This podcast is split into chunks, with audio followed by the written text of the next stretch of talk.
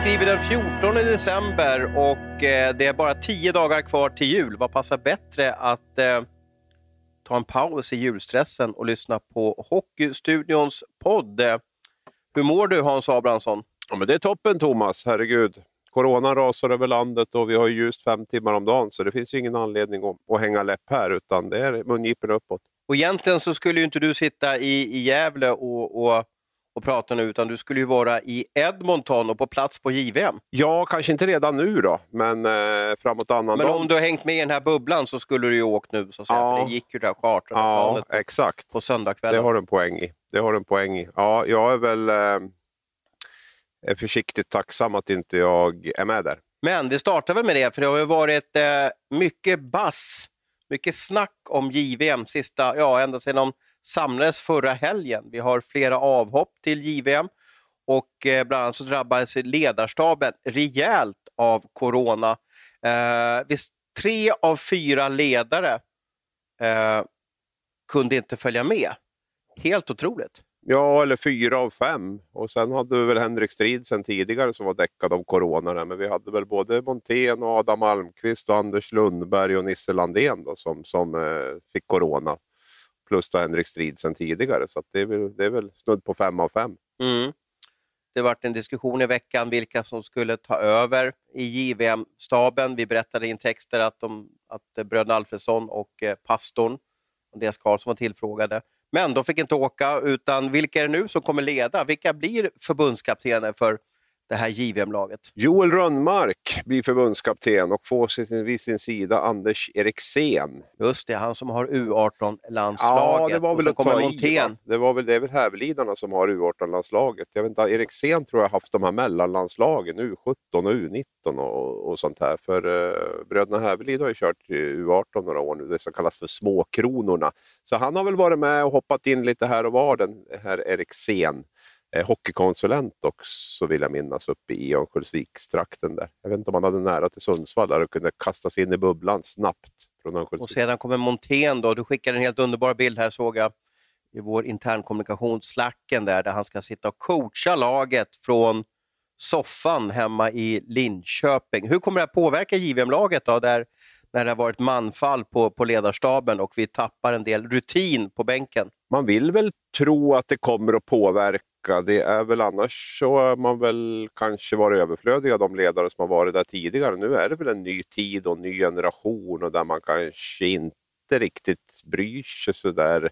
Alltså, man är ganska obrydd känns det som. Jag pratade med några spelare i veckan här och de bara, nej men vi åker gärna utan ledare bara vi får spela. Liksom, så här, typ, och så så att jag, jag vet inte, vi tillhör ju en annan generation. För mi- I min värld så skulle det ju vara tufft som målvakt att åka iväg en månad utan att ha en målvaktstränare. Och framförallt då kanske den som man är van att ha i de här sammanhangen. Att det skapar en trygghet och att det även gör att man har bra träningar, bra förberedelser och allt sånt där. Och, och det gäller väl även när förbundskaptenen Thomas Montén har ju nu har han ju inte jobbat jättemycket med de här yngre spelarna. De kommer ju från, från J18 och U18 och sådär. Men, men, men ändå, många av de här hade han ju med förra året och sådär. I min värld så är det väl en typ av trygghet att ha ledare som man, som man känner sedan tidigare. och Så, där. så att jag, jag, tror, jag har svårt att se att det är en fördel eh, i alla fall. Sen hur stor nackdel det är, det är, det är svårt att säga. Men Eriksen och Rönnmark känner ju inte varann heller. Liksom, nu ska de coacha ihop och de har väl knappt coachat i ett bås på, på ett år, höll jag på att säga, för, på grund av den här pandemin då, som har ställt in alla,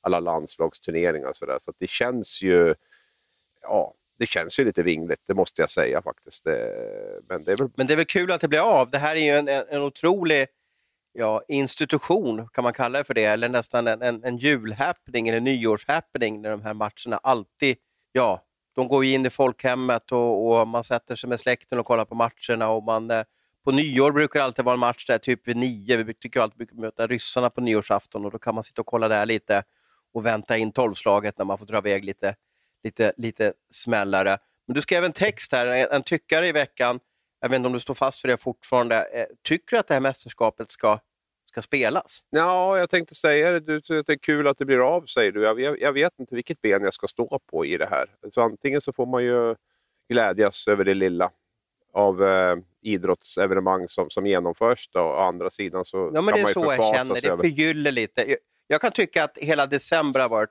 det är så mörkt, det är så trist.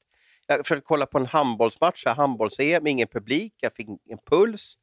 Uh, man kollar på lite matcher, hockey och så vidare, det är ingen publik och så vidare. Så jag vet inte, jag, jag, kan då tycka att ja, men ge oss lite JVM-glädje. Låt, låt det bli lite, lite fina matcher och att, eh, ja, att det blir okej okay framgångar för, för laget. Jag, jag, tycker vi behöver det på något sätt. Vi behöver minsta lilla hockeykärlek som vi kan få där ute. Ja, bara dra på skygglapparna menar du och titta på hockey. Jag tycker det är som man ser bilderna från igår med det här flygplanet som är som ett, eh, typ ett inrikesplan i, i Sverige som tre lag ska tryckas in i, där bagaget ska vara med in i kabinen och man ska ner på två mellanlandningar för tankning för att ta sig över. Det, det blir ju allt mer uppenbart att spelarna är ju bara en handelsvara i det här på något sätt. Det är det enda det handlar om är att TS, eh, Hockey Canada ska, ska få sina pengar från TSN. Liksom. Det, det är lite, rent krasst så, så är det ju så. Sen om man flyger över de där européerna i någon boskapsfinka för att tjäna några hundratusen på det, det, det verkar liksom helt okej. Okay. Så jag, nej, jag, jag, tycker det är osmakligt, jag, jag måste säga det. Sen, sen så som jag var inne på, så spelarna tycker att det ska bli grymt kul att spela. Så det, det har jag väl all respekt för så, men, men jag, i ett, i ett utifrån perspektiv så, så, så blir det ju bara allt mer cyniskt tycker jag, hela, hela idén. Och vi har en pandemi som lamslår verkligen hela världen. Ett land som Tyskland bara stänger ner allting från och med nu fram till 10 januari i princip. Och, och, och här ska det spelas eh, hockey för tonåringar. Mm, nej, det är, eh, men vi får väl göra det bästa av det när det väl kör igång. Ska vi ta lite bakgrund till JVM? Eh, vem äger JVM? Eh, vem tjänar pengar på JVM? Och, och, man spelar ju JVM för att kora det här landet har bäst juniorer, bäst äldsta juniorer. Och i år så är de väl, vad är de, 01 och 02 är de som är med i, i landslaget. Eh, men det har ju också en funktion att hälften av de här som är med i JVM typ är ju inte draftade. Så då, det här blir ju som ett smörgåsbord för NHL-klubben att de ska kunna välja och se inför draften, och nu när, när väl draften blir 2021, det har vi ingen aning om då. Men det här är också ett sätt för dem, NHL-klubbarna, att få sitt smörgåsbord, att de kan kunna avgöra vad är bäst, vem, vem, vem ska vi ta, vem ska vi inte ta. Så att det är ju en, hur ska vi kalla det för, det är ju som en liten plastig värld det som kommer ske borta på given. För det är, det är ju, jag menar grabbarna tycker det här är jättekul att vara med och, och, och få, få ja, chansen att kunna vinna JVM-guld, för det har man kanske bara en eller två gånger. Men det finns ju också en liten annan, annan ton i det hela, där det handlar väldigt mycket om pengar och att kunna göra rankinglistor och så vidare inför NHL. Och det vinner ju inte SHL någonting på. Nej, jag skulle vilja säga emot det här, för att jag menar, 95 procent av spelarna är väl draftade redan som, som spelar JVM. Är det så mycket? Ja, alltså? det är väl någon, möjligtvis någon 03. Jag tänkte, Lillfimpen är ju inte draftad där. Och... Jo, du har ju något undantag. Om jag får ta det så är han C02 och eventuellt något lag tar med 03. Jag säger stora nationer som Ryssland och Kanada har i stort sett aldrig med någon, någon dubbel underårig. Det är möjligtvis Sverige och något lag till. Men, så att den, den bilden stämmer väl inte längre. Det kanske var lite mer så förr, men, men nu är de ju nu är de ju färdigvalda och, och allt, så att eh, NHL-klubbarna har väl inte så. De vill väl mer se hur deras prospects sköter sig på de här turneringarna mot jämnåriga motståndare. Så att det är ju väldigt gott om, om NHL-scouter och så på de här turneringarna som sitter och, och gnugga sina geniknölar och fundera på om de har valt rätt spelare i draften. Sen finns det alltid något undantag där med, med, med som du är inne på. Jo, men det har ju en funktion är ju att de ska kunna göra sina listor och så vidare. Så, så, så är ju JVM. Då. Eh, men mer då, hur, hur fördelas tv-pengarna? Hur, hur stora är de jämfört med ett stort VM och SHL-pengarna? Alltså, Eh, är det här för att TSN ska kunna mata sina tv-tittare? Ja, men det är självklart. Det är ju jättestort och det säljs ju även vidare till, till andra länder. Jag menar, intresset i Finland har ju varit enormt. Jag tror man hade 2,5 miljon tittare här på eh, förra året eh, i ett land med, med 5-6 miljoner. Nu får du berätta om jag har fel, det stiger ju hela tiden. Men, men någonting sånt var i Sverige vet vi hur stort det är. Så att, jag hörde någon siffra på att det handlar om typ 50 miljoner dollar per, per, eh, per år då, som TSN pumpar in i, i, i det här. Då. Och eh, sen var jag för, såg också någon, någon eh, att Hockey Canada får ungefär 50 procent av den här. Arrangören får 15 procent och sen var 35 procent som gick, gick till annat. Sen har du ju biljettintäkter som är gigantiska, i alla fall väldigt stora under en normal turnering då, som, inte, som inte finns nu. Och det är ju det här är ju den stora anledningen till att det arrangeras i, i Kanada så, eh, så ofta som det gör. Om det nu är sju av tio i Nordamerika. Sju av tio år så går den ju i Nordamerika och det är ju för att det är där de stora tv-pengarna finns och då vill man ha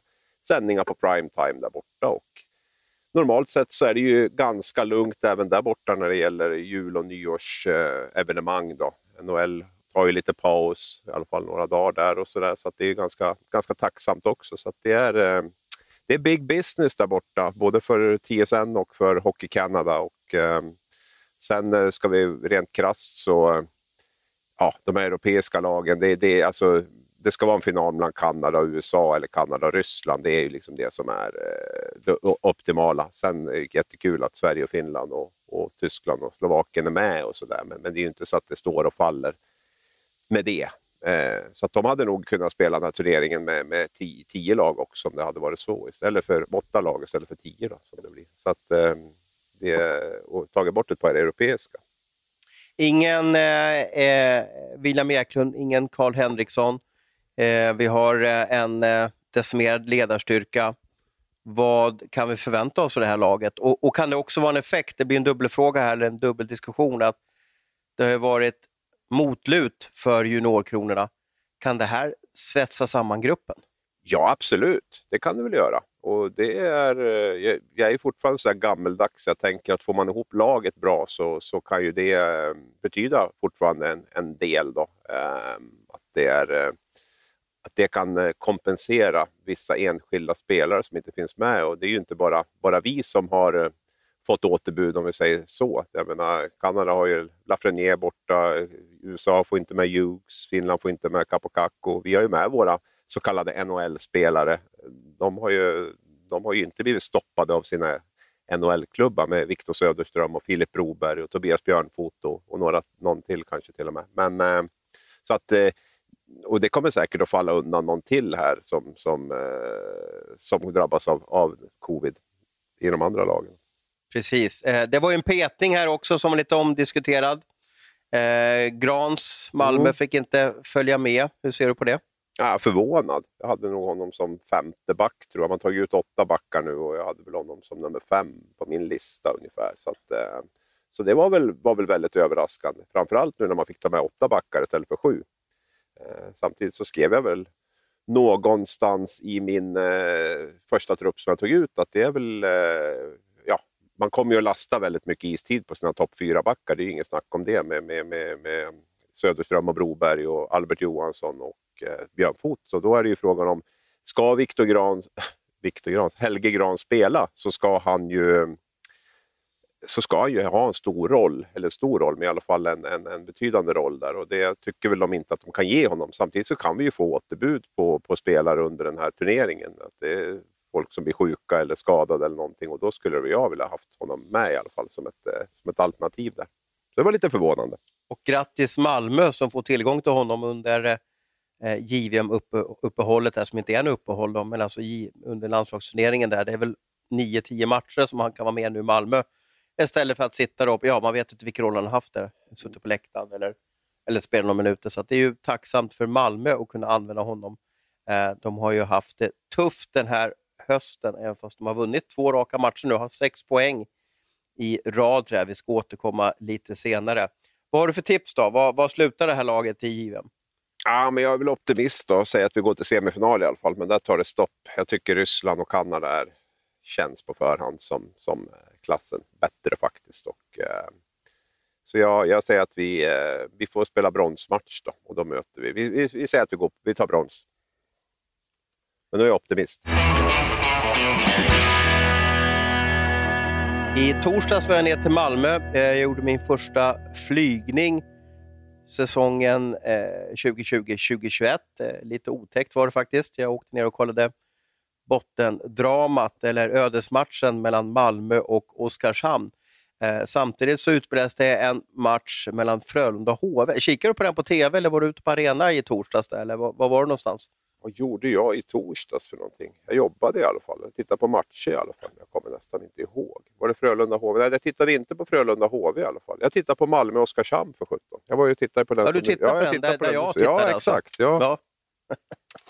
Då hade vi dubbla ögon där. Men ja. det jag försöker komma till är att det var en incident där mellan Frölunda och HV där Joel Lundqvist, jag vet faktiskt inte vilken, i vilken period det var om man ska vara ärlig, så att säga, men det började spridas efter matchen. Då, det var där Joel knuffade, åkte in i, körde på eh, nuddade, snuddade, andades på, eh, körde över, crosscheckade. Ja, det, den här händelsen har beskrivits på väldigt många olika sätt. Eh, men det var i alla fall, eh, eh Joel kom åt en linjeman kan man säga på isen och det här blev det rabalber om. Jag tror att det blivit samma sak om, om det hade om det hade gällt eh, eh vad ska vi säga, Oskar Kvist i Brynäs. Nej, det hade det inte gjort. Det kan jag lova faktiskt. Uh, det hade inte blivit. Men du, så, du såg inte händelsen under, under matchen, nej, nej. eller hur? Var Nej, jag tror inte det var många som gjorde det om jag ska vara ärlig. Det var ju en, en pikt utplockad GIF efteråt då, som, som, som uppmärksammade den här situationen. Jag tror inte det var många från, framför tv-apparaterna som direkt såg det här heller, live. Kan man säga då att sociala medier var den som startade hela, hela den här, ja, vad ska man kalla det för, drevet? Ja, men det kan man väl säga. Eller vad tycker du? Ja, det måste ju vara så. ja. jag, jag, såg det sent på kvällen där på, på torsdagen ja. så såg jag det på, på, på plattformen Twitter. Eh, så spreds det en film, jag kommer inte ihåg vem som, den ska ju faktiskt hyllas. Pontus Burman va? Vi... Pontus Burman ska vi hylla där. En, en framtida sociala medieredaktör på Aftonbladet kanske, eller Sportbladet. Eh, han hade öga för detaljer, såg den här lilla, lilla händelsen. Det var ju inte Alltså under eh, matchen pågick inte, det var ju ett spelavbrott då där, där eh, Joel Lundqvist var lite tjurig på en HV-spelare. Två domare rörde sig runt de här, typ liksom som hajar runt ett, ett, ett, eh, en tonfiskstim. Eh, och i det här, de här fyra åker tillsammans då, så kommer ju Joel åt ena, ena linjemannen där. Och det vart ingenting efter matchen. Jag tror att de kikade lite på det efter matchen om jag förstod det rätt. Har jag rätt där eller, eller sket de i det efter matchen? Jag har ju pratat med Mikael Sjöqvist då, som var en av huvuddomarna där efteråt och jag får ju gå på hans ord då, i alla fall. Men enligt honom så var det nu definitivt uppe på, för diskussion efteråt. Man hade även en kommunikation med eh, domarchefen, vilket jag är Thomas Torsbrink då, och även den linjedomaransvarige. Och där kanske du kan hjälpa med vem det är, för det är jag inte helt hundra på. Men, men i alla fall så, så var den här situationen enligt Sjöqvist. Det är väl Leo Takkula va? Ja, det kan vara Leo Takkula från Hofors i så fall. Kan jag lägga till som mm. lite bonus. Klassiskt domarnamn. Klassiskt hockeyort trodde jag skulle säga. Mm. Ja, det är också, men klassiskt domarnamn är det. Ja, men grejen var alltså uppe för diskussion efteråt, och, och, men de valde att inte gå vidare. Ja. Och sen ja. så kom ju lavinen på sociala medier där. Ja. Och eh, Det innebär att det först inte blev någon anmälan till disciplinnämnden. Den ska vara inlämnad innan 08.00 dagen efter avslutad match. Och eh, eh, sedan så kunde inte SHL stå emot, kan man väl kalla det för. Så att det blev ett, ja det är ett kvällstidningsord kanske, det blev ett krismöte där som du var väldigt duktig på att bevaka. Vad var det som hände där? Det var ju framförallt domare som var inblandade i, i, i det mötet och jag tror att man dagen efter, på kvällen där så, så städade man undan den där situationen lite grann och kände att nej men vad fan, det, det, vi, vi, vi struntar i att anmäla. Joel har ändå liksom, han, han är het och, och, men han är rätt schysst egentligen och sådär. Så jag, jag, tycker att det där, det där låter vi gå förbi osett. Eh, nu är det jag själv som sitter och, och spekulerar. Men sen, sen, tror jag det blev en diskussion när det här uppmärksammades på sociala medier. Vilka signaler sänder det här nu? Om vi nu friar honom här, kan vi överhuvudtaget fälla någon annan för en kontakt med domare under, under den här säsongen? här? Eh, fäll, anmäler vi Joel nu han blir fälld så blir det ett rejält statement och då vet alla vad som gäller och, och, så vidare. Så jag tror att man insåg att det här kommer att få ganska stora konsekvenser hur vi än gör. Lite negativt om vi inte anmäler, kanske får in en, alltså mera positivt att det, det är absolut inte okej okay att röra domaren om, om, om vi anmäler. Så att, där tror jag var flera domare som, som var inblandade och hade synpunkter på det här och man kände i efterhand att det här blev, eh, blev fel. Och hur räddar vi upp det här nu på, på bästa sätt? Och då, då blev det genom en, en senare anmälan än, än normalt. Och, eh, det finns väl inget optimalt i det här förfarandet överhuvudtaget. Utan det är klart att den eh, bedömningen borde man ju naturligtvis ha gjort redan på, på, på kvällen efter matchen. Ja, Mikael Sjöqvist var ju väldigt ångerfull att han inte hade sett det på isen, men det kan jag väl tycka att det är, det är lättare att acceptera. Men när man sitter då efteråt och har kontakt med domarchef och allting och så, så, så bör man ju kunna fatta det beslutet som man fattade på, på eftermiddagen sen på, på fredagen. Då hade det blivit en betydligt eh, bättre gång på, på det hela. Så det är väl där det stora ett av de stora problemen ligger. Eh, sen finns det väl också en dom då när det väl går till disciplinnämnden som, som också går att, att diskutera, tycker jag. Sen har vi ju en bakgrund också. Vi hade Sam Löfqvist eh, och vi har Christopher Beach, eh, gamla HV-spelaren, som gjorde liknande grejer eh, under tidigare säsonger och blivit, fått avsningar på fem och sex matcher, alltså hårda straff. Eh, och Då kan man ju också, om man är duktig på att klippa ihop filmer och, och lägga dem bredvid varandra, så är det ju väldigt snarlikt allting. Tycker du det? Eh, och då blir det ju, kne Tycker du det? ja, då blir det ju kne knepigt att Joel eh, blir friad. Jag tycker att det, det är en... Eh, det är, man ska inte röra matchledare, punkt slut. Så tycker jag. Nej, det, det är vi överens om. Sen tycker väl jag att om man nu räknar på fem matcher på, på, på det Sam Löfqvist gör och fem matcher på det Joel Lundqvist gör, så tycker jag att man gör det lite lätt för sig. Att man måste ändå kunna... Man kan inte bara säga att så fort det är kontakt med en domare så är det fem matcher, utan man måste väl se på hur sker kontakten, med liksom hur, hur avsiktlig är den, hur kraftig är den? Alltså, Sam Löfqvist trycker ju till verkligen domaren i bröstet med dubbla med händerna. Liksom. Väldigt, väldigt avsiktligt. Joels är ju, är ju inte okej okay heller, men den är ju ändå på ett helt annat sätt tycker jag. Och där vill jag, skulle jag vilja se att man ställer lite större krav på kanske att eh, bedöma situationen utifrån, utifrån hur den är. Men har man nu satt så att all kontakt med domarna är fem matcher så tycker jag att det blir väldigt skevt. För då kan man göra betydligt mm. grövre saker då på på en domare. Och ska det också ge fem matcher? Då? För om man likställer Sam Löfqvist och Joel Lundqvist, då kanske man måste likställa även grövre förseelser med, med Sam Löfqvist och Joel Lundqvist också. Så där hade jag önskat mig mm. lite annat. Beach fick ju sex matcher, men den kommer jag inte riktigt ihåg om jag ska vara ärlig. Kommer det är så den? länge sedan nu. Sen vet jag att Svedberg fick ju två matcher här om året när han eh, skulle veva på någon motståndare och, och råkade träffa domaren. Det är också en kontakt mot domaren. Då. Men där gjorde man en bedömning att den var, att den var mild, eh, mildare straff. Då. Jag vet att Libor Hudacek hade väl också en, eh, en episod där han blev avstängd för, eh, för en, en kontakt med domare. Så att, eh, det är väl just det att man i Nylity Beach var ju kanske nästan innan höll jag på att säga, disciplinnämnden kom till, det var det ju inte, men det var ju en annan tid i alla fall. Och, eh, där, där, eh, och vi hade inte, vi hade inte 14 HD-kameror på, på matcherna heller som kunde se från varenda vinkel. Nej, nej precis. Så att, eh, men om man tittar på i närtid nu med, med, med Svedberg och, och även eh, Libor Hudacek då, så, så, så ser man ju i alla fall att man kan göra eh, nivåskillnad i det här och då tycker jag det är lite konstigt att, att, att Joel får, får fem matcher. Precis. Vad får det för inverkan på Frölunda? Nej, men stor, stor inverkan. Frölunda är ju ett lag i år som verkligen behöver alla med på tåget, både, både på, i laguppställningen och på isen eh, för att vinna matcher överhuvudtaget. Annars förlorar man hemma mot Malmö exempelvis. och, så där, och eh, Där har ju Joel Lundqvist fortfarande ett, eh, stor betydelse för Frölunda, så det är klart att det är, ju, det är ett jätteavbräck för dem i, i, i det här läget. Det är inget snack om det. Och, eh, det gick mm. väl inte att undgå Roger Rönnbergs liksom, besvikelse inför matchen i lördags. Där. Det var ju inte direkt så att han bara, vi har gått vidare och vi fokar på, och vi fokar på, eh, på den här matchen. Utan han var ju, liksom, han var ju, han, han, han var ju liksom less på, på att jobba i princip för att det blir en sån här dom. Så han, eh, det, det, det, märks ju att det, att det har tagit hårt på, på, på honom. Där.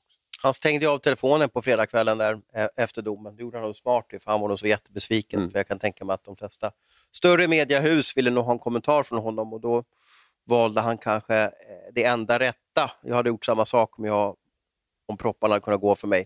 Så han stängde av telefonen, men sen fick jag ju frågan inför matchen på lördagen där och då kunde han ju inte hålla igen. Då.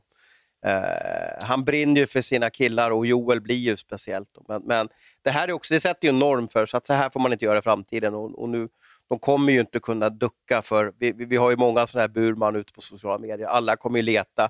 Den minsta lilla liksom, kontakt med en domare så kommer man ju, titta här vad som händer, stäng av aset ungefär. Mm, ja, det kommer ju att bli en knepig situation för dem nu. För att de, som jag var inne på tidigare, hade man friat den här så så hade det ju varit liksom lite okej okay att göra det man lite, lite små attacker mot domaren här. Nu, nu hamnar man i ett läge så att nu kommer ju minsta lilla grej och, och nagelfaras och riskera fem matcher här. Så att, eh, mm, vi, får se, vi får se vart det... I, I den bästa av världar så blir det ju en, att det inte blir någon kontakt överhuvudtaget med domarna och det är väl vi, både du och jag, positiva till att det inte blir. Så vi får väl, vi får väl hoppas på det, för det känns som att det har varit ganska mycket tjat om, om diverse regelförseelser den här hösten också. Så att, eh, och det får väl vi kanske ta åt oss lite av skulden också, att det blir så. Domare väcker känslor, Joel väcker känslor och det blir alltid en stor diskussion om vem som bestämmer i svensk hockey. Eh, jag fick ett långt sms av Joel i fredags och då avslutade han faktiskt lite, lite sådär, eh, lite snyggt tycker jag i alla fall, att ja, nu står det klart att jag inte bestämmer i svensk hockey i alla fall. Det tyckte jag var ett, ett klass-sms som han skickade ut. Han skickade nästan som ett pressmeddelande till de flesta tidningarna där via sms. Då. Så att, eh, ja, han, är, han är en skicklig kommunikatör och en bra ledare. Och så att nu är det också en profil som vi blir utan i jultider. Kommer du sakna Joel? Ja, det, kom, det gör jag alltid. Det gör jag alltid. Så att jag, vill, jag vill ha honom på isen, så är det. Sen eh, innebär ju inte det att jag tycker att han ska vara friad från, eh, från bestraffning bara för att han är en stor profil. Men eh, i det här fallet så tycker jag att två matcher hade räckt och det var det faktiskt jag trodde skulle, han skulle få också. Men eh, nu får vi vara utan honom lite längre och det är alltid trist. Vi behöver de här profilerna som finns. Det händer väldigt mycket i SHL och jag tycker faktiskt att den här säsongen, jag har varit inne på det tidigare, är rolig och, och på något sätt utmanande att bevaka. För jag tycker att det är en del skrällar. Det följer inte riktigt normen som, som man tror att den ska ske. Leksand går mycket bättre än vad man har, och man har trott. Vi har ett Rögle som är helt lysande bra och nu har till och med Malmö, som kanske ingen trodde, och nu håller de på att värma på sig en massa spelare också, lyft. De har sex raka poäng, två raka segrar och de har lyft det efter en sågning och, Joakim Fagervall, som både du och jag har en, en liten passion för, har skakat, skakat igång det här Malmögänget. Tror du att de kan undvika kval nu? Ja, det kan de göra. Absolut. Ehm, så, så är det. Sen har jag ju tippat Malmö kval och det står jag fast vid. Men, men det, det, är, det, är, det är skakigt där nere och det kommer inte att bli mindre skakigt ju, ju, längre, ju längre tabellen går. Och de som skakar minst där kommer att, eh, kommer att klara sig. För det kommer att bli ett chicken race utan dess like där i, i botten. Där nerverna kommer att vara utanpå alla tröjor som finns. För att det är Ja, det är tufft att åka ur normalt sett och åker du den här säsongen. Och ett lag kommer ju åka ur den här säsongen. Ja, och åker du den här säsongen så tror jag att det är bara att hänga upp skylten på, på dörren liksom och stänga butiken. Oskarshamn undantaget, de tror jag klarar en degradering, men, men övriga vet Jaha, du tror att om, om, om Brynäs eller Malmö åker ur så tror du att du går natt för Ja, det tror jag. Absolut. Jag menar, Brynäs har ju, har ju budgeterat med, med 42 miljoner minus vid, vid eh, vid noll åskådare på läktaren och det ser väl mycket som talar för att det blir så. Och ska du dessutom förlora 45 miljoner i tv-pengar så, så går det ju ganska enkelt att göra matematiken själv där och sen spela i, i allsvenskan med en egen arena och sådär. Det, det, tror jag, jag tror det är eh, övermäktigt om jag ska vara helt ärlig. Det tror jag inte man klarar och det gäller nog även klubbar som HV och Linköping och, och till viss del Malmö också. Malmö har ju varit under kontrollår och har ju inte har ju på grund av för då, litet eget kapital då, har ju väldigt lite pengar på banken och så. Så att jag tror att det, jag tror att det blir otroligt tufft att, uh, att hanka sig fram efter det om man åker ur i år. Vilket lag tror du att det är mest kris i? Brynäs eller Malmö? HV kanske.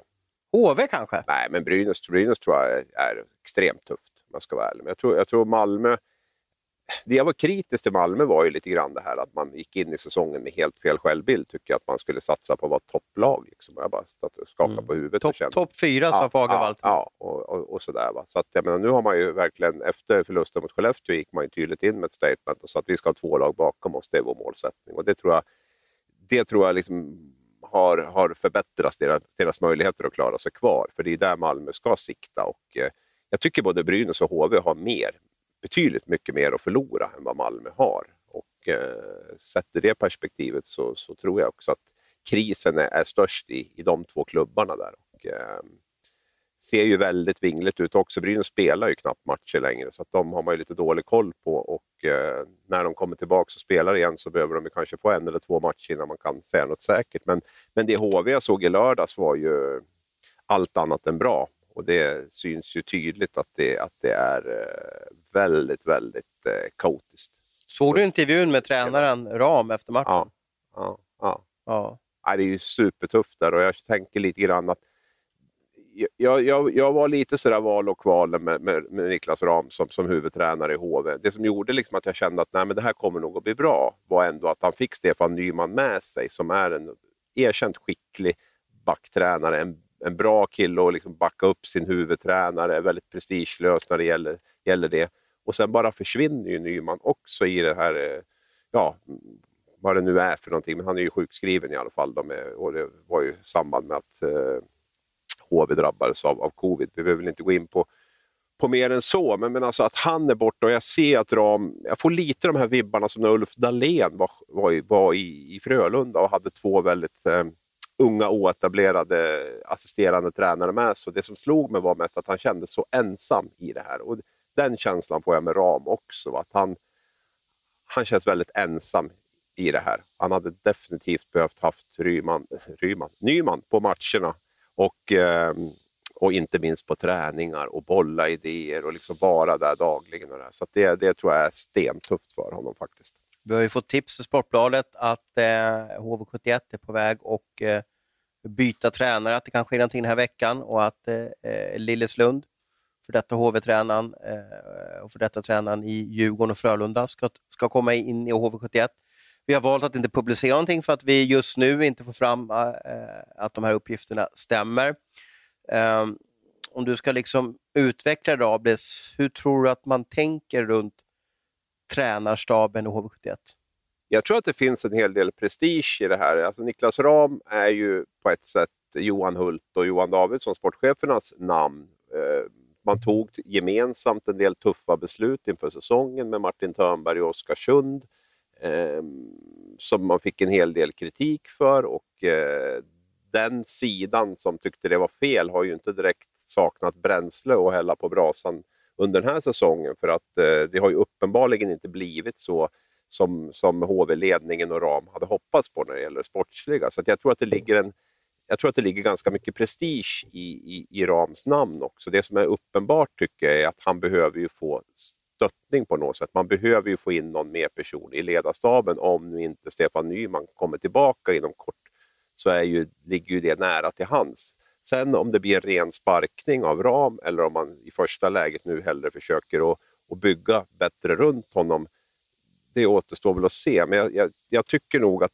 eller jag tror nog att det ligger närmast till hands, att det, att det är så man försöker i alla fall i det här första läget nu. Och för att eh, Ram har ju inte fått någon lyckad start, man, men man kan ju också vinkla det mot att, han har, att det vart väldigt avbräck med att Stefan Nyman försvann och, och, han måste ändå få en chans med, med, med eh, få folk runt sig som, som, som kan, som kan eh, hjälpa honom och stötta honom fullt ut. Så att jag tror att det kan vara en, eh, en första, första lösning på det. Sen eh, är det väl kanske kommer in på det, och jag vet inte, men det blir nog ett chicken race när det gäller det här med, med värvningar också, som jag var inne på, att det kommer att bli eh, de här lagen som riskerar att åka ur kommer att ta pengar som inte finns och värva spelare. Och det tror jag, jag tror inte HV är helt färdiga än heller. Om jag ska Nej, de är ute och jagar big time, det hör vi ju.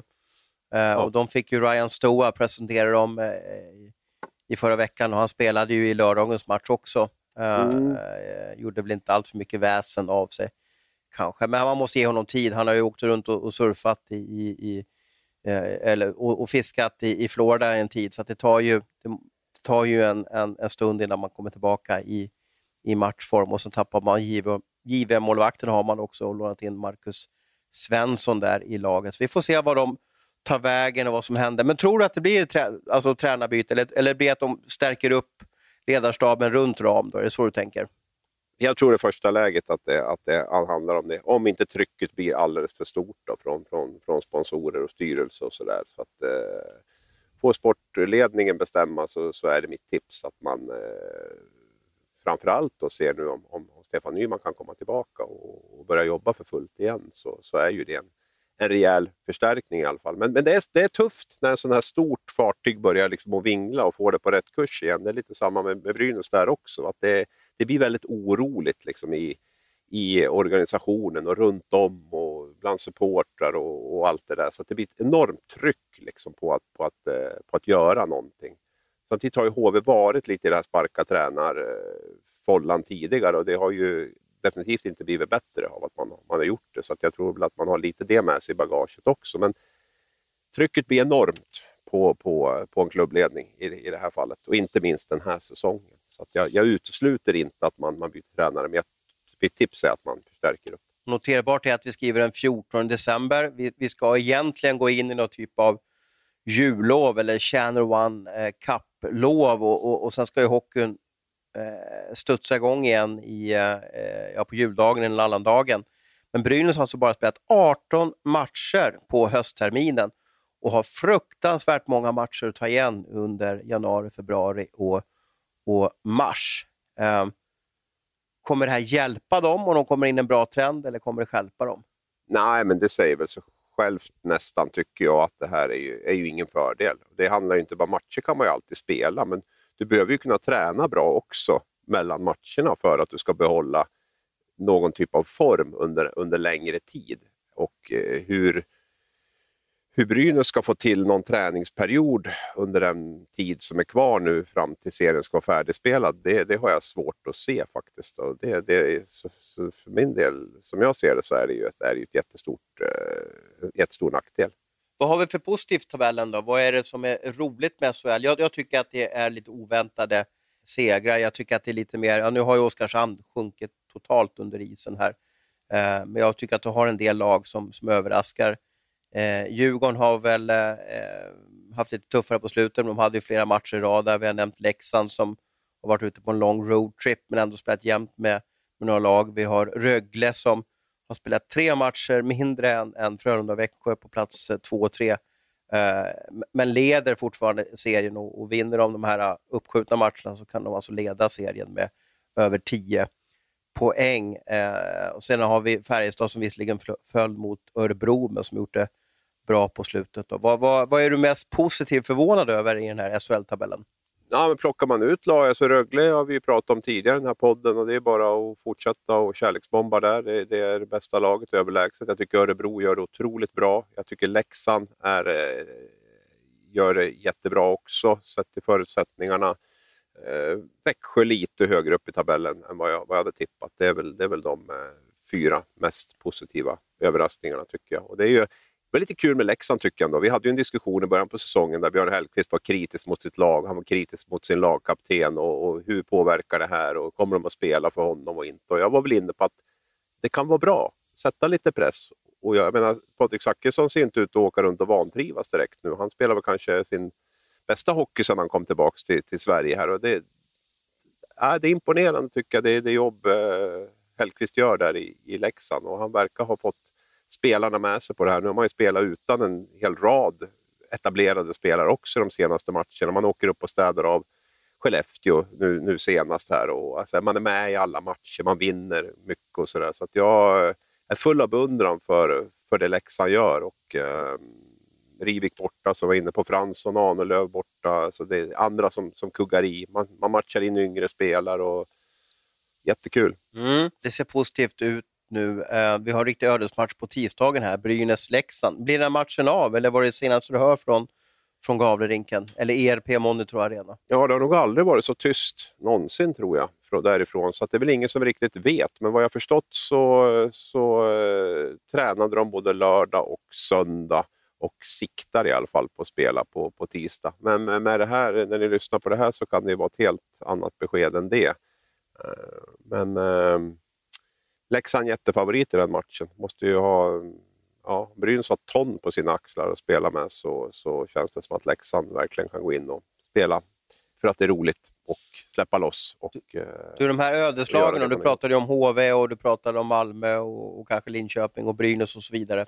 Det måste nästan hjälpa dem att inte behöva ha en fullsatt arena som bara liksom ja, det bara stänker och, och, och, sprutar ångest om hela arenan. Det måste vara lite lättare för Brynäs nu på tisdagskvällen om den matchen blir av, att det är tomt, att det är tyst och att det inte blir den där pressen från, från ståplats och, och, och gubbgänget på, på långsidorna. Så är det. Det är nog ingen, ingen nackdel i alla fall att det är så. Sen tror jag att trycket är enormt stort ändå, för man vet ju ändå vad som, vad som, står i, vad som ligger i potten. Så att det, det trycket tror jag räcker mer än väl för att det ska ha betydelse i, i, i prestationen. Och så där.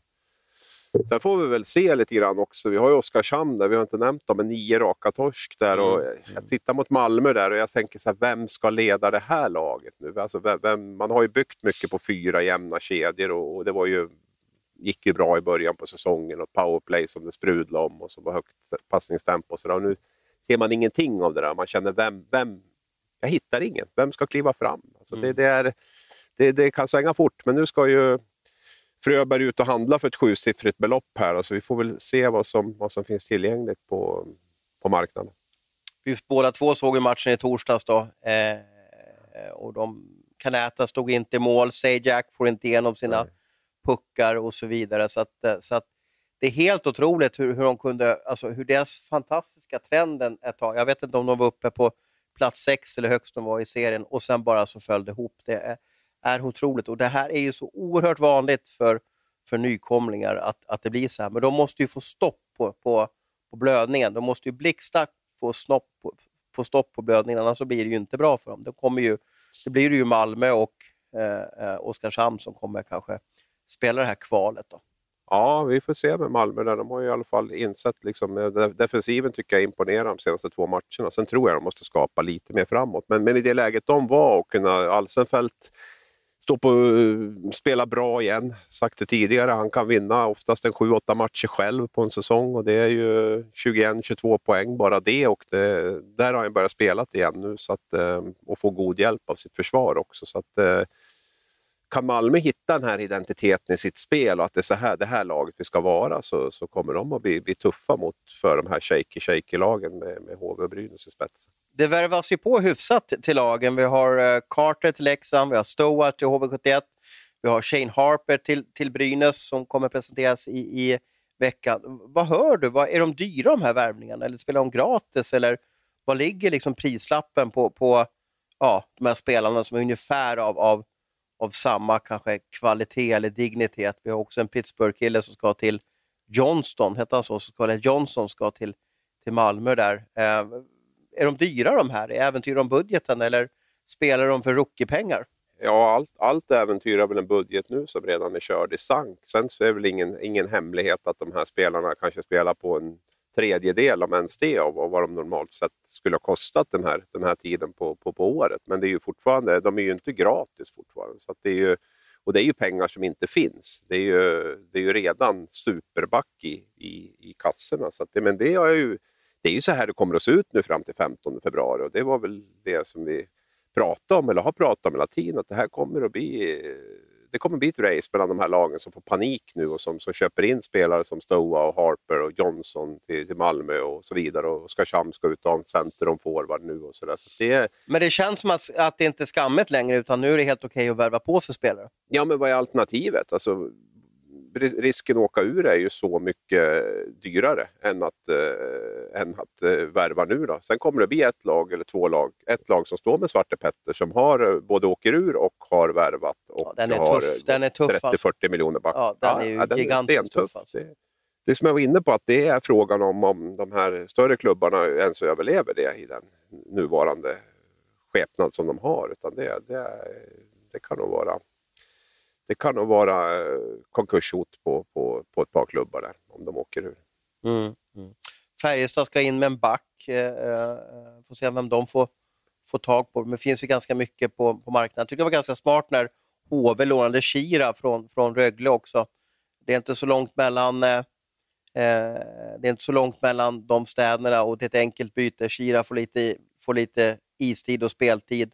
Och man hjälps ju åt också. Jag vet, det kan inte vara så dyrt att låna in honom på några matcher. Det är det ju inte, men det är ju lite grann HV som får göra jobbet. För Shira har ju knappt spelat under hela hösten och han såg ju inte direkt liksom toppshapad ut eh, i den här matchen. Så HV kommer ju få göra ett jobb i en tre, fyra matcher för att få igång honom eh, i spel. Och sen är ju frågan om hur länge de får behålla honom. Jag såg ju Ryan Stoa också. Det är ju inget, det är ju inget quick fix att få, få, få igång honom där. Det är ju en spelare som, som är väldigt bra runt målet men som behöver hjälp att få pucken dit. Behöver vara bra spelare, behöver ha en Bromé bredvid sig och sådär. va. Och kanske inte driver spelet själv. Och, eh, tung kropp. Eh, och HV behöver ju HV behöver ju hjälp nu, även om det naturligtvis är viktigt också i februari-mars att, att man har spelarna bra. Men det, det är ju inte riktigt laget som man kan komma och spela sig i form i heller. på det sättet. va. Det, att de, är, de är i ett knivigt läge i HV. Men eh, för Rögle är det väl perfekt att Shira kommer dit och, och, och spelar matcher. Och kanske får lite hjälp med, med, med pengarna, att de tar lönen de här, under den här perioden också. Så att då är det ju då kanske man, eh, eh, ja, det blir lite bättre, lite lättare för, för Rögle också. Då. Eh, Örebro är ju intressant nu, för nu eh, stod det i Nerikes Allehanda att Bromé eh, håller på att packa sin väska och drar. Abos är fortfarande osäkert och sen så fick man med Emil Larsson till Channel One Cup. Eh, han fick för övrigt ingen avstängning för sin tackling på Oskarsund, eh, bisats slut. Och sen hade de eh, några finländska killar som ska vara med i Channel One Cup. Då. Eh, det är också väldigt intressant den här säsongen hur, hur de blir av med kanske fem spelare, vips bara på någon dag. Sådär. Det skulle ju aldrig ja. ske under en vanlig säsong. Och det är inte vilka spelare som helst, det är ju kanske tre av de bästa spelarna i laget. Ja, det är tufft. Jag vet inte om Örebro hade de en match under den här perioden då, när, när landslaget håller på det i alla fall. Då. Så den, den, den matchen blir ju, blir ju väldigt tuff för dem naturligtvis att få ihop det. Samtidigt så utstrålar ju Örebro allt det som kanske de här lagen i botten inte gör eh, med, med, med harmoni och trygghet och, och, spelare som, som kan komma in och ta, ta roller där och sådär. Så, så det är klart att de, de hanterar väl säkert en match där. Det är ju, ska jag lyfta fram den största överraskningen i hela SHL den här säsongen så för min del så är det nog Jonas Arn, Arntzen Säger de så på TV? Arntzen? Du har ju bott i eh, Norge, så du måste ju veta hur man uttalar dem. Ja, jag är lite Arntzen skulle jag vilja säga, men, men Arntzen, Arntzen hörde jag någonting de sa. Så att, eh, oavsett då, så, så tycker jag att det är eh, Ja, vilket, vilket genombrott och jag såg det inte alls komma. Du har ju följt Leksand mer än vad jag har gjort och, har ju sett honom säkert där och sådär lite mer. Men, men, men eh, nej, den, den, är, den är häftig. Eh, tre segrar den här veckan också med, med hans Örebro där. Ehm, han han fortsätter imponera och eh, det säger väl en del om Örebro som lag också. Vi ska prata lite önskelistor inför nästa år. Vi ska gå igenom lite lag för lag och idag så ska vi kika lite på vad Leksand håller på med, vad de tänker på och så vidare. Det läggs ju ett pussel nu och, och många lag har ju lite problematiskt att lägga det här pusslet för man vet inte vilken eh, i vilken serie man spelar i. Men, men Leksand börjar hamna snart i ett läge där man kan kanske andas ut och, och på något sätt veta att ja, men vi ska värva ihop ett lag för SHL kommande säsong. Andra lag blir ju då kanske Brynäs, Malmö, att man inte, man får bara sätta nästa säsong på hold och bara vänta vad som kommer ske. Man ska bara överleva. Men idag så tänkte vi kika lite på Leksand och vad de håller på med och vi har fått in i alla fall två namn som, som vi vet om att Leksand eh, kikar på. Och, eh, jag blir i alla fall lite förvånad när det handlar om, om ett av, av namnen där. Eh, det är Måns Lindbäck från Södertälje, målspruta, eh, fansfavorit och sedan så har vi eh, Växjöbacken Peter Andersson då, som eh, Leksand har med på en ja, wishlist, alltså som de kikar på, som de kollar på underliggande statistik och som de är intresserade på att värva till nästa säsong. Då. Vad säger du om de här två namnen? Vad, blir du lika förvånad som jag att, att vänta nu, ska, vi, ska Leksand verkligen, liksom, ska de, är de här som ska lyfta Leksand nästa år? Jag tror väl att man behöver ha både dyra och billiga spelare i en trupp och tittar vi på de här två namnen som du nämner nu så, så, är, det ju, så är det ju två billiga spelare eh, som i första hand då ska, ska, ska bredda laget. Och det är ju inte nog eh, så viktigt att, att, att hitta det för att eh, då också kunna lägga lite mera pengar på, på de två första femmorna, vilket vi ser exempel på med Rögle till exempel. Jag tycker bröderna Abbott är experter på, på att hitta billiga spelare neråt. Vi vet hur Skellefteå byggde sitt lag under sin storhetstid där med, med tio, tio jättedyra och tio jättebilliga spelare. typ. Växjö har ju haft lite likadant. Eh, Eh, Växjö har haft lite likadant där med, eh, med, med, sitt truppbygge, så det, är väl, det är väl ditåt man tittar. Eh, vi vet väl också att både Thomas Johansson och eh, deras statistikexpert Petter Kambro där eh, tittar väldigt mycket på den underliggande statistiken och jag kan tänka mig kanske att en sån som Peter Andersson så har man hittat något som man tycker är eh, är eh, mer värt än vad han kanske kostar i den här tiden. Han har ju haft väldiga skadeproblem, Peter Andersson, i, i Växjö och eh, spelar väl inte just nu. Eh, är inte helt ute och cyklar och sådär. Så att, eh, eh, nej, men det, det, det, är väl mitt tips där. Måns Lindbäck har ju gjort det bättre och bättre och bättre i Allsvenskan under, under sina år där och blivit lite av en kultspelare i, i Södertälje och jag vet att det är en rad SHL-klubbar som, som är ute efter hans namnteckning. Men vi vet ju hur svårt det är att ta steget från eh, allsvenskan och eh, till SHL. Har Måns kvalitet att bli en topp 6-spelare i SHL? Nej, det tror jag inte de ser honom som heller. Och Det är väl det som är problemet lite grann med allsvenskan. Att ta steget till en topp 6-spelare är svårt. Däremot så kan du hitta väldigt, väldigt bra rollspelare och eh, spelare längre ner i hierarkin för, för en billig peng. För det är ju också så, har du spelat i SHL i några år och spelar en tredje eller en fjärde kedja så, så hamnar du snabbt uppåt 100 000 och till och med över det. Och, och då kan du ju istället få in likvärdiga spelare från Hockeyallsvenskan för 35 Eh, som spelar där. Och då blir det ju genast eh, betydligt mycket mer pengar över och, eh, och bygga övriga laget för. Så att jag, jag tror inte att de ser någon av de här som någon topp 4-back eller topp 6-forward, utan det, det handlar nog mer om att, att bredda truppen. Och det är väl också en signal om att Leksand vill ha in tunga pjäser eh, längst fram. Man vill frigöra pengar för att kanske kunna matcha bud från Schweiz på, på Carter Camper. Man vill i alla fall ger Rivik ett, eh, ett riktigt, riktigt bra erbjudande. Nu tror jag kanske inte att det räcker, men, men, men ändå så att man har den typen av spelare där. Eh, jag tror man har fått lite blodad tand av den här säsongen med, med eh, den typen av, av lagbygge. Precis, nu går det, det surras om att matchen imorgon kommer, kommer vändas, det vill säga att det blir matchen ska spelas i Leksand. Vi får se om de uppgifterna blir bekräftade under ja. måndagen eller tisdagen här och det är på grund av coronasituationen då i ERP Monitor Arena. Spelar det någon roll vilka mm. lag som har hemmais egentligen den här säsongen? det är säsongen 2020. Det är, tänk om de skulle ha sagt i en vanlig säsong att nej, vi flyttar Brynäs hemmamatch upp till Leksand. Ja. ja, det är helt... ja. Ja, det, ja, men det är väl klart att det är, det är väl ingen fördel för Brynäs att spela i... Det är väl skönt att spela på sin hemmaplan. Ja, man men det är två varandra. timmar med buss och, och det, och det kanske... Ja, man kanske inte har hunnit gjort alla säkerhetsåtgärder i ERP Monitor Arena, det vill säga att alltså, spritat av allting och kanske har det varit helt nedstängt, eller du som bor där? Alltså, är, är det ja. ja. Då kanske isen är dålig, kan det vara så också? Liksom, eller? Jag vet inte om det var nedstängt på det sättet. De har nog kört isaggregatet, men det har inte varit folk som har... De har, de har ju stängt ner i alla fall för, för, för dagträningar och sånt där. Det jag vet i alla fall. Att, men det säger också lite grann om hur desperat situationen är att få spela matcher. Jag menar, normalt sett så hade man väl skjutit på den här matchen också då och, och satt, lagt den senare, men, men nu måste man nu måste man spela. Brynäs måste spela matcher nu för att, för att de ska få ihop spelschemat och då väljer man alltså att flytta upp det till Leksand för att det inte är coronasäkert i, i Gävle. Det är alltså obekräftade uppgifter, vi får se, vi får se vad, vad, vad, som händer. Men sedan finns det mer intressanta uppgifter om Leksand och det är att det ska finnas intresse från Siljans håll runt Patrik Karlqvist i Modo. Och varför blir det här känsligt, eh, Abris? Därför att relationen mellan Modo och Leksand är väl inte den bästa efter Hellqvist-gate, där när Björn Hellqvist då, eh, ja, efter att han skrivit på ett långt kontrakt med Modo eh, flyttade till Leksand och det blev en väldigt infekterad affär. Och, eh, Patrik Karlqvist är väl så nära ett helgon det går att komma, eller i alla fall en superfavoritspelare i, i, i Modo. Återvänder ju nu också, eh, vilket inte, vilket inte liksom försämrade hans status där. Och att eh, att Leksand nu rycker i en sån spelare, det är klart att det väcker ju eh, väldigt ont blod uppe i Örnsköldsvik, kan jag tänka mig.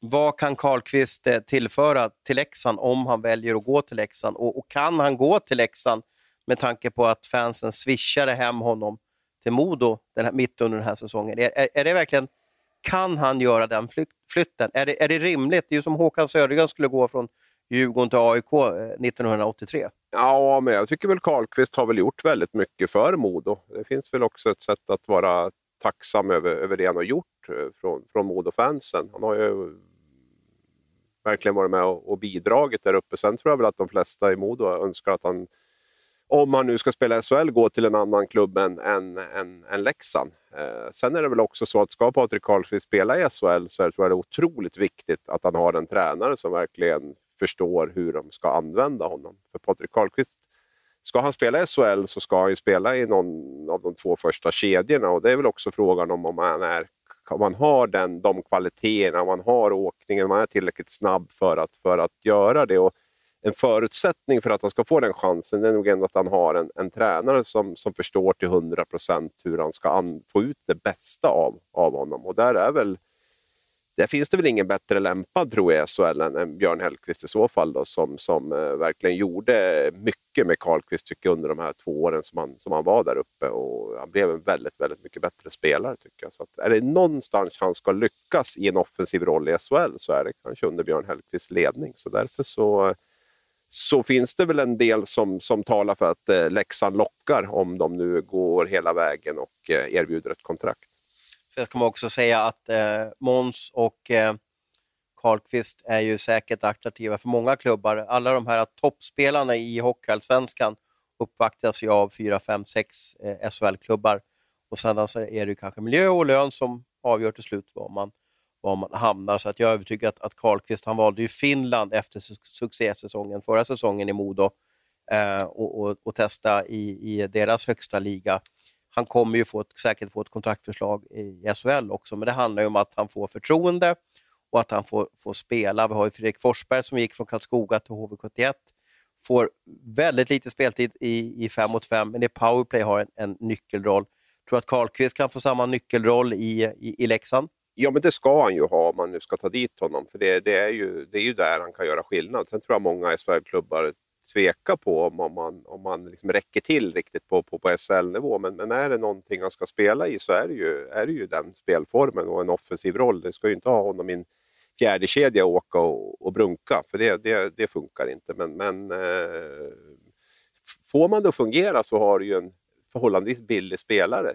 på en ganska viktig position. Och det kan ju vara på på vänstersidan i, i powerplay 2 eller någonting sånt här som man, som man kan få spela. Och det, han, han, har ju, han, har ju, han har bra verktyg, det är inget, inget snack om det. Och som sagt en, en tränare som vet och som jobbar med hans fötter och, och liksom får honom att vara i form hela tiden, då, då, då kan det vara värt att, att testa det. Man har inte så himla mycket att förlora liksom, och, eh, på det. Ja, men bra, bra surr Abris, och du får se, det blir en spännande vecka som kommer här och jag är glad för att du får fira jul, i, alltså en riktig jul, hela julen i Sverige. Hur många år sedan är det? Ja, det var 2009 tror jag. Ja, ja, vad roligt. Det var så gulligt när du berättade att en, en av dina söner där var nästan lite tårögd när du sa att du skulle vara hemma hela julen. Det, det, ja, det tyckte jag var fint. Jaha, ja, jodå. Det ser han fram emot. Precis. Han är bara tio, så det blir första gången. Du, eh, bra tugg och bra surr i alla fall. Vi är närmare oss 60 minuter och det är väl dags att tacka för oss. Vi hörs när det väl blir. Troligtvis blir det nästa måndag så drar vi in en ny podd. Ha nu en tre riktigt trevlig vecka, ni hockeyälskare.